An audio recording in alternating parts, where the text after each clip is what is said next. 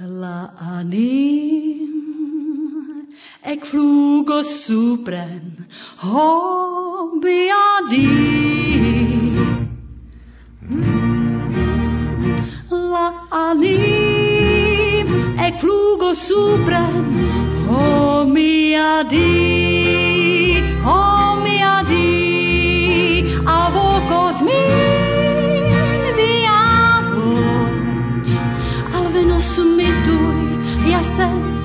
ببراش چهارشب دوزی اشتی چوی ها میادی Audis mi tiu ciu strat Pavimitas per la or. Fores dostu sfero, Sen graves For la manoi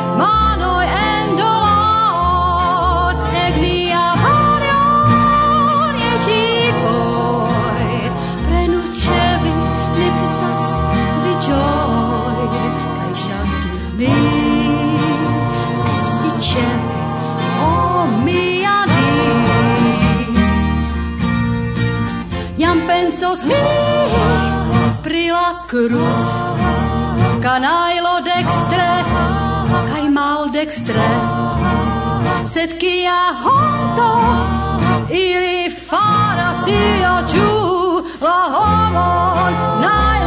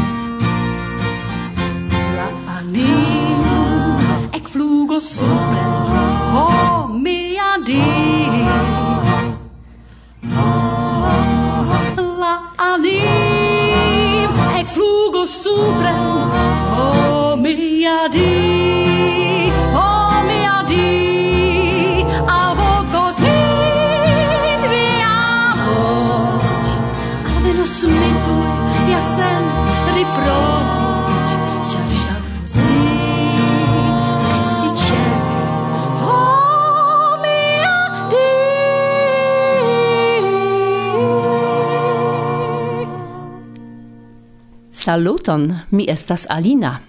Mi invitas vin al Angulo de Nicolau Dols. Nur fumo. Frostas extere. Dis de la faireio flugas odoro de resino pina, quiu cion invadas. Miam menson, viam bildon matenan contra usuno, cae viai vortoi, kie mondo brilis, intermite, sendauro, kiel nomo via, nun stariganta en fum scribado, dum mi bruligas cigaredon pense, pri vi cae la feliciai tagoi lumai. Vintro jus venis, cae vanuis vi, cae mia nomo, nun cie gi restas. Eble funde de via saco cune, cun adreso duminco forvisigas. Unue sur la faltoi poste cie. Neniam vi relegos gin laut voce, de nove viai lipoi ne reftusios nomon mian, visagion mian, hauton mian tremantan dum attendo gioia. Knaras stipo, faireroi flugas for, de ciam miam scias pri la vivo, cae la homoi. Nun fairo, poste bragioi, fin fine cio cindro, polvo, vento. Sed iam ne plus opiras mi la fairon, sed nur chanceligiantan arbon, brancioin quies eble finigios en faireio, elirigante novain fumliteroin, quiui aere scribos novain nomoin.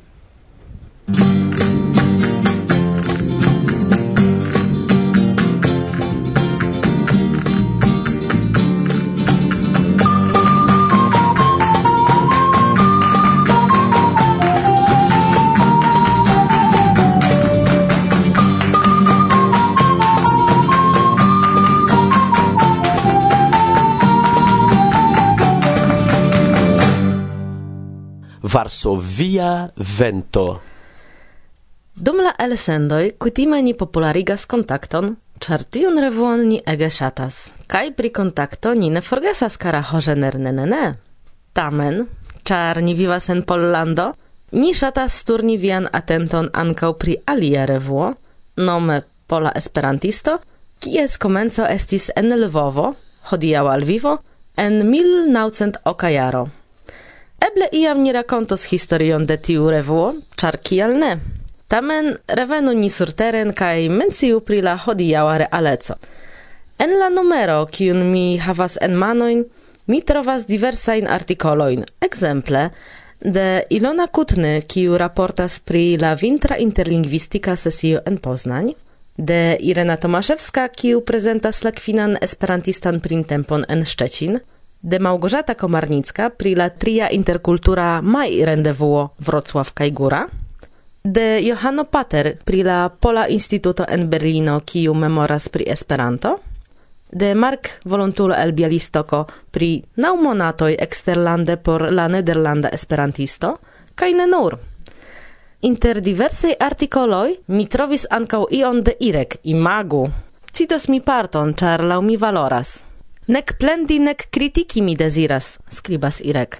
Ancau nenion malbonan mi intensas diri pri la organizanto, kiu multe klopodis por ciui estu contentai, pri la partoprenantoj, kiui pro alveno de multaj exterlandanoi creis interesan, internacian kaj bonan etoson.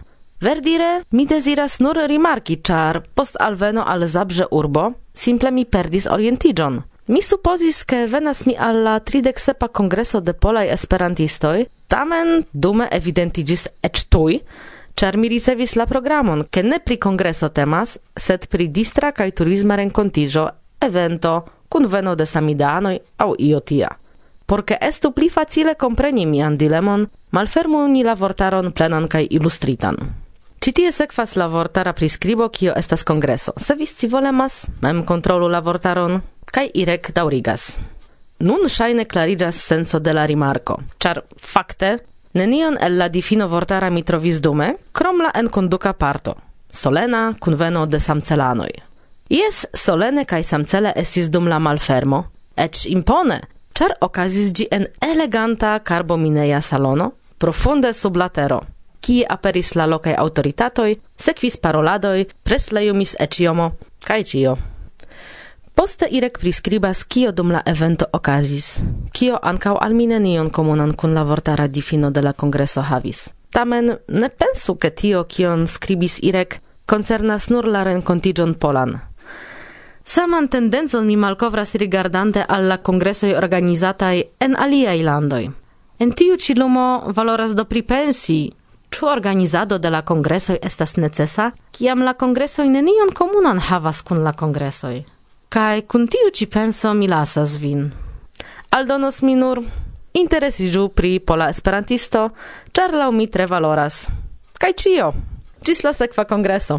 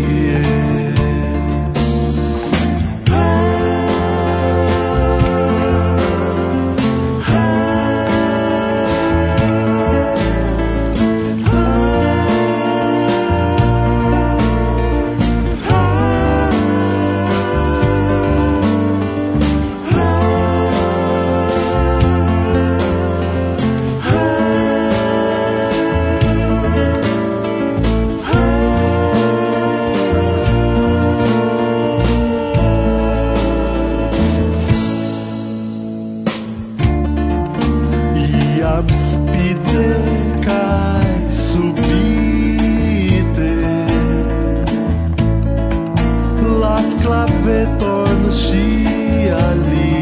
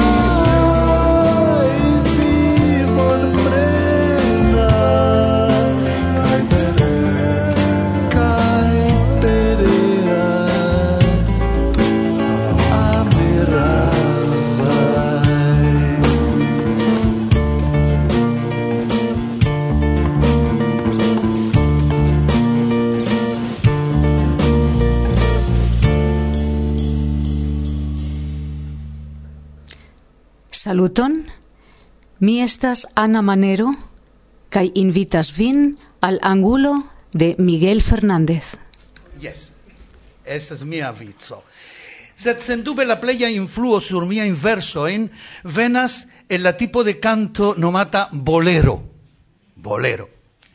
Tamen ne en la tradicia hispana, sed en la cuba bolero, kiu naskiĝis en 1898 quian Cubo, Filipino e kaj Portorico la restaĵoj de iama hispana imperio sen dependigis disde la metropolo. Tiu epoke, rilate al culturo, generale ciu hispan-amerikaj Landoi cesis rigardi al Hispanio cae directi sian atenton al Francio. En poesio, ili alprenis la modeloin de la escoloi Parnasa cae Simbolisma, cae mixante ilin, creis la movadon nomatan modernismo, quiu revoluciis la hispan lingvan poesion ce ambau bordoi de Atlantico. La modernistoi estis antiburgiai burgioi, kiui tamen sercis la aplaudoin de la burgiaro. La creintoi de la Cuba bolero verkis ties textoin sur base de la modernisma emo epate le bourgeois. Tio estas, xiocila burgion. Cai tiui textoi audace parolas pri amo absolute sen tabuoi, pri amoi corsirai, enormai, neeblai, senfinai. La triangulo Cubo, Porto Rico, Mexico estis la plei activa cadro kie la bolero disvolvigis. De tie gi disvastigis al diversai americai landoi kai atingis Hollywoodon. En la nuntempai Latin Americo kai Hispanio la bolero plue iras sian voion. En ne malmultai el miai poemoi basigis sur la intensai amai vibroi palpeblai en conatai boleroi. Temas pri El reloj, la horloge de Roberto Cantoral. La lírica Sparco spruzzas el nevitebla facto, dis illo fare de amatino. En La horloge, la autoro locas nin en la lasta nocto cun la amatino, anta ol si foriros, nocto cium li petas la horlogion eternigi, ne batante la horo, incompreneble. Bolero.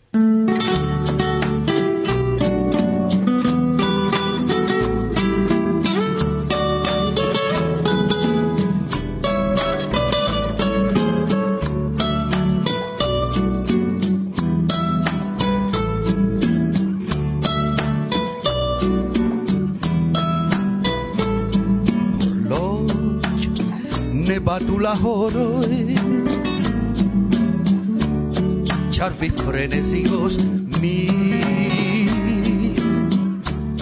forirosci porgiame ce la venonta tagic alni. Nurci noctorestas por trajuad de amor. kai la tic tac memorigas pri la fatala dolor orlogiam Jesu vogliadi char mia vivo finillas Gistas la stel kiu prilumas min sen ŝia amo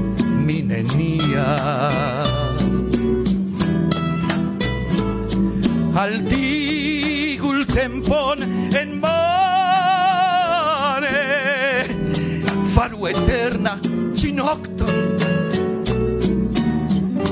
che scineniam foriru de mi, che ne alvenu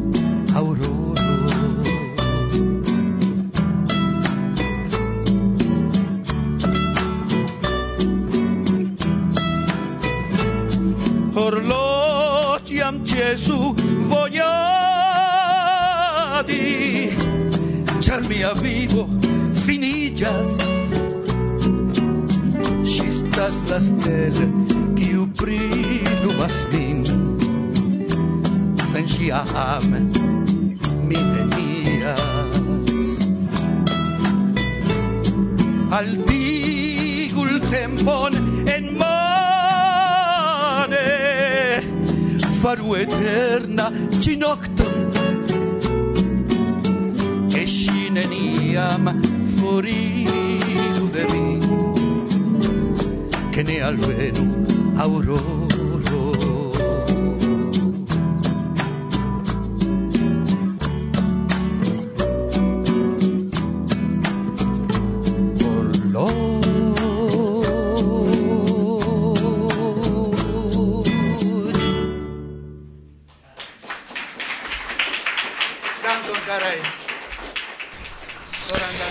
Varsovia Vento kai antau mikrofono Roman Dobrzyński. kai ni promesis en sendo i paroli hodiaŭ pri la libro Zamenhof en Varsovio.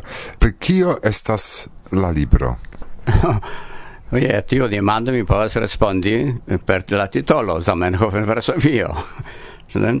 mi tamen aldonu, in eh, generale en Esperanta literaturo en biografioj de Ludovico Zamenhof oni nomas lin Bialistokano. Hm? Do por esperantisto en la tuta mondo Ludovico Zamenhof asocias juste kun Bialistoko.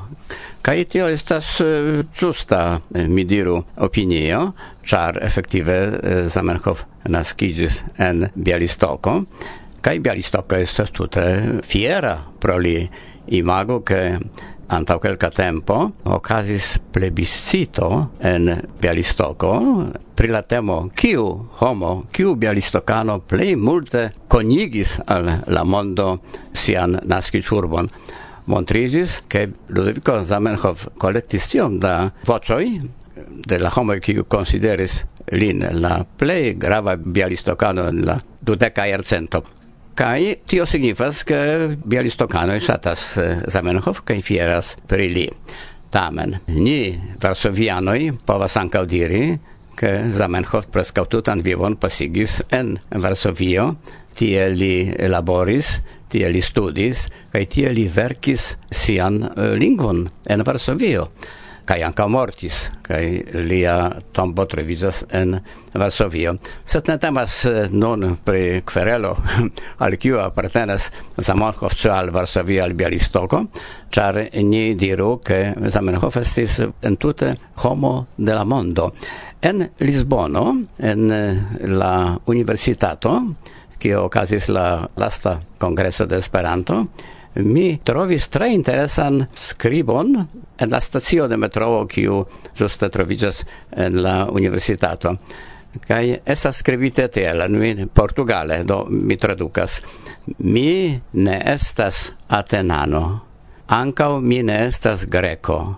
mi estas homo de la mondo Kai tia mi rimarkis ke esas ĝuste Maximo kion povus diri anca Zamenhof, ne? Zamenhof iam diris en la kongreso en eh, Boulogne-sur-Mer che dum tio congresso ne parolas anglo kun franco ne ruso kun polo sed homo kun homo ne? Do, Zamenhof eh, estis homo de la tuta mondo, ne nur de Bialistoko kaj de Varsovio. La libro rakontas pri vivo de Zamenhof en eh, Varsovio, ĉu tio iel havas rilaton al strato Zamenhof? Do, fakte mi pensis eh, pri tiu libro kiel iu gvid libro, gvid libro ne nur laŭ la lokoj ligitaj kun Zamenhof, sed ankaŭ per la faktoj ankaŭ kun kreado de Esperanto.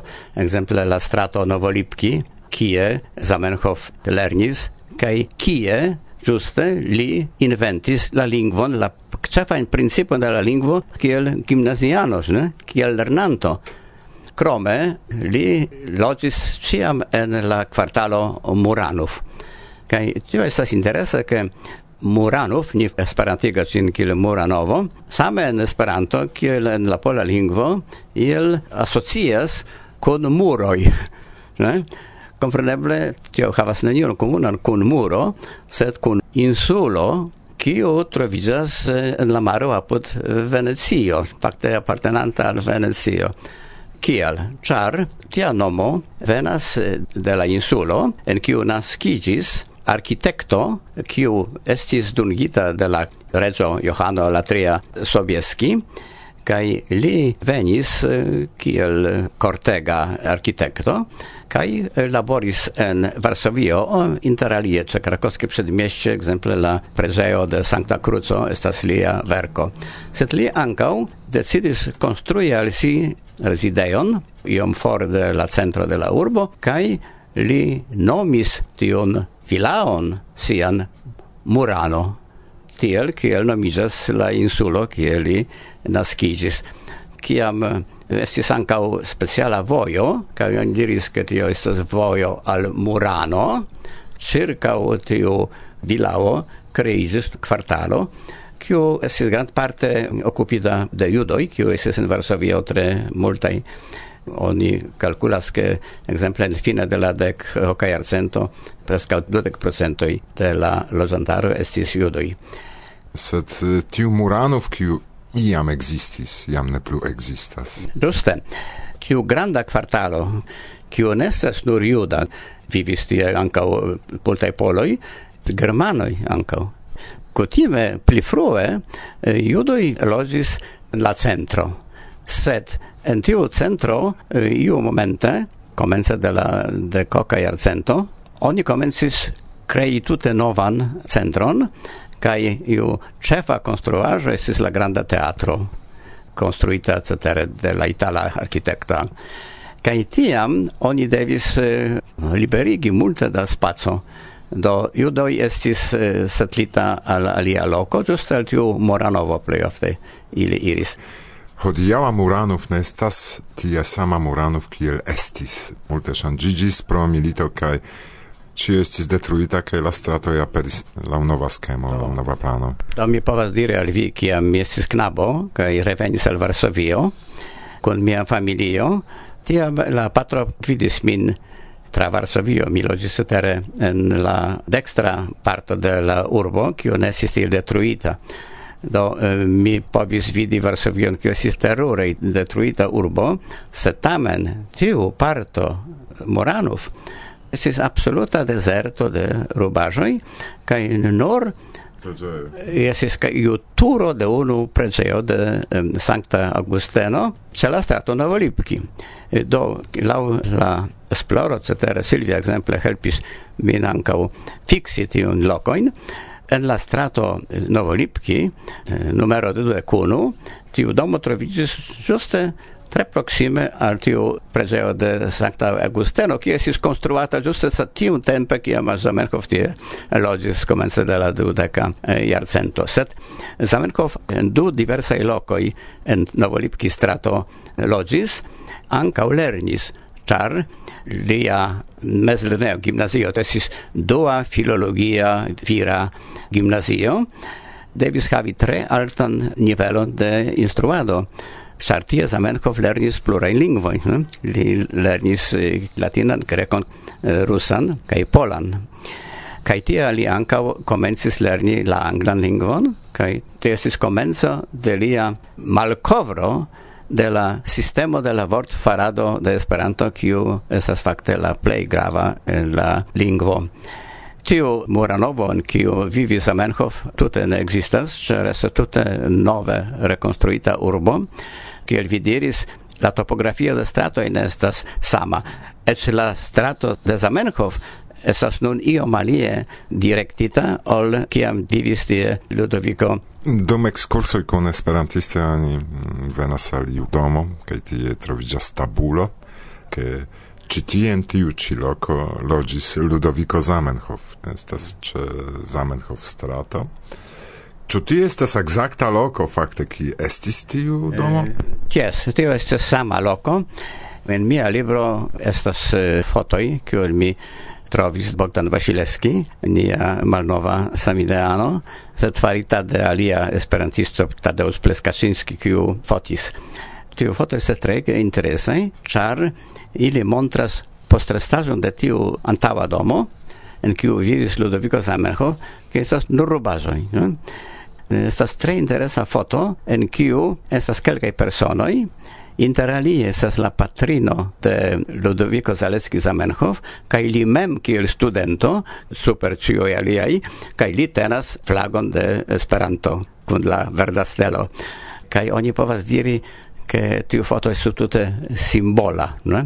Kvazam tamen Esperanto venkis, eh? tiam kvankam malgraŭ tiuj teruraj detruoj, kiuj okazis en Varsovio kaj ankaŭ holokaŭsto, cetere la germanoj detruis domon post domo, ne? complete detruis ĉion, eĉ poste, kiam jam geto ne existis post la ribelo, oni ancora detruis tiujn objektojn, kiuj ancora havis iun valoron, ekzemple sinagogo en Tomacke, kiu nun staras granda konstruaĵo alta, sed tiu sinagogo, kiu estis belega, unu el la plej granda en la mondo, finita en la jaro 1887. Do, ĝuste en la jaro, kiam estis anoncita ankaŭ Esperanto, kaj tiu sinagogo estis laŭ arkitektura vidpunkto trege interesa, char projekti zin anka ital devenas tiam poligita eh, architekto Leandro Marconi ten du stiloi fakte baroko kaj renesanco belega belega konstruaĵo kaj ĝi estis simple eksplodigita eh, jam post la ribelo. Yes?